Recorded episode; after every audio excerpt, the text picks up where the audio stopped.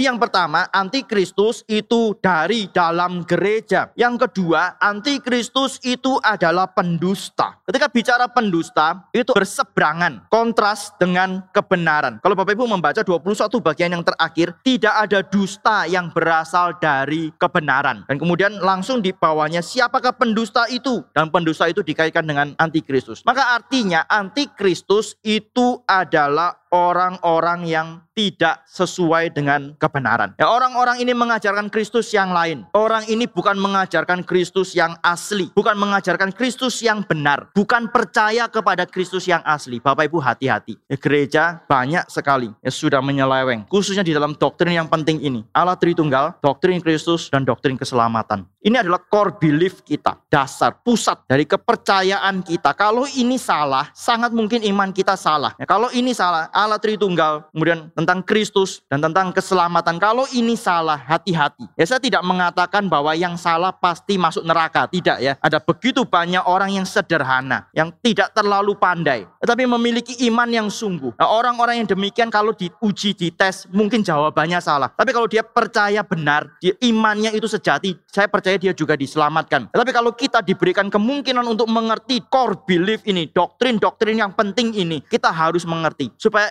iman kita tidak gampang dibelokkan, tidak gampang disesatkan. Hari ini banyak orang pakai nama Yesus, tapi sebenarnya Yesus yang lain. Banyak orang yang mengajarkan tentang Kristus, tapi kita harus cek itu Kristus yang mana. Kristus yang dinyatakan di dalam kitab suci atau Kristus yang adalah ajaran manusia. Bapak Ibu saya mau mengajak kita melihat beberapa peringatan dari Paulus. Galatia pasal yang pertama ayat 8. Galatia pasal yang pertama, saya baca 6-7, Bapak Ibu baca yang ke-8. Galatia 1 ayat 6. Aku heran bahwa kamu begitu lekas berbalik daripada dia yang oleh kasih karunia Kristus telah memanggil kamu dan mengikuti suatu Injil lain yang sebenarnya bukan Injil. Hanya ada orang yang mengacaukan kamu dan yang bermaksud untuk memutarbalikkan Injil Kristus. Ayat 9, mari kita baca bersama. Seperti yang telah kami katakan dahulu, sekarang kukatakan sekali lagi, jikalau ada orang yang memberitakan kepadamu suatu Injil yang berbeda dengan apa yang telah kamu terima, terkutuklah dia. Bapak Ibu ini pakai istilah yang sama, kabar baik Injil. Sekarang mari kita melihat di dalam 2 Korintus 11, 2 Korintus 11, saya baca ayat 23, Bapak Ibu baca ayat yang keempat. 2 Korintus 11, saya membaca mulai dari ayat yang kedua. Sebab aku cemburu kepada kamu dengan cemburu ilahi. Karena aku telah mempertunangkan kamu kepada satu laki-laki untuk membawa kamu sebagai perawan suci kepada Kristus. Tapi aku takut kalau kalau pikiran kamu disesatkan dari kesetiaan kamu yang sejati kepada Kristus, sama seperti Hawa diperdayakan oleh ular itu dengan kelicikannya. Bapak Ibu lihat di sini, bahkan di awal sekali gereja itu sudah mendapatkan tantangan seperti ini.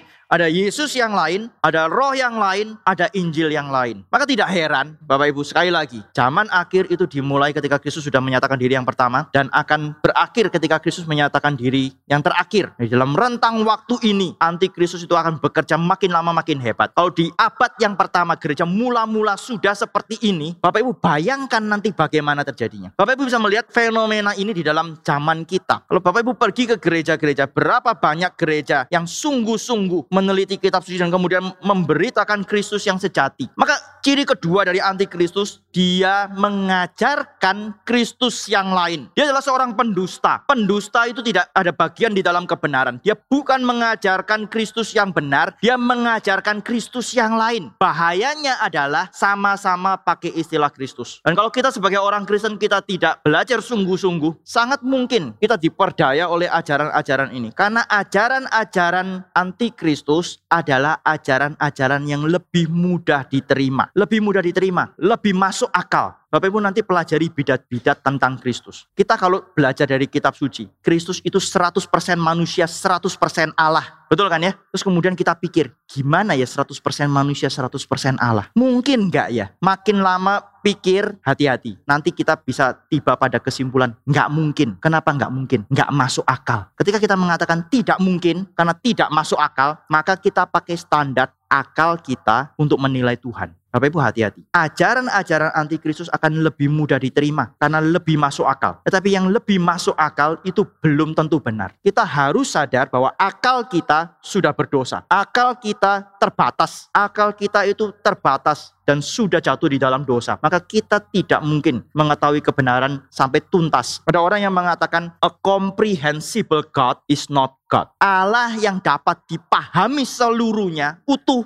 kita bisa mengerti dia sepenuhnya, pasti bukan Allah. Karena Allah itu lebih besar daripada pikiran kita. Maka di sini perlunya iman. Dan iman itu bukan saya mau percaya, bukan. Iman itu diberikan oleh Tuhan. Kalau Tuhan tidak memberikan iman kepada kita, tidak mungkin kita percaya kepada yang melampaui akal kita. Kebenaran tentang Allah itu melampaui akal kita. Untuk kita bisa percaya Tuhan memberikan iman kepada kita. Dan iman yang sejati itulah yang akan tetap pegang kebenaran itu sekalipun kita tidak bisa mengerti secara tuntas. Sekalipun itu tampaknya tidak masuk akal. Dan ketika itu tidak masuk akal, maka orang-orang yang tidak percaya itu akan menertawakan kita. Kamu percaya kepada hal-hal yang tidak masuk akal. Kamu percaya kepada hal-hal yang nggak mungkin secara logika. Tapi justru itulah yang benar. Maka Bapak Ibu, antikristus itu adalah pendusta. Pendusta kenapa? Bukan karena ajarannya tidak masuk akal. Tapi pendusta karena ajarannya itu sepertinya masuk akal tetapi tidak sesuai dengan kebenaran yang sesungguhnya. Realita Allah, naturnya Allah itu sudah diberitahukan kepada kita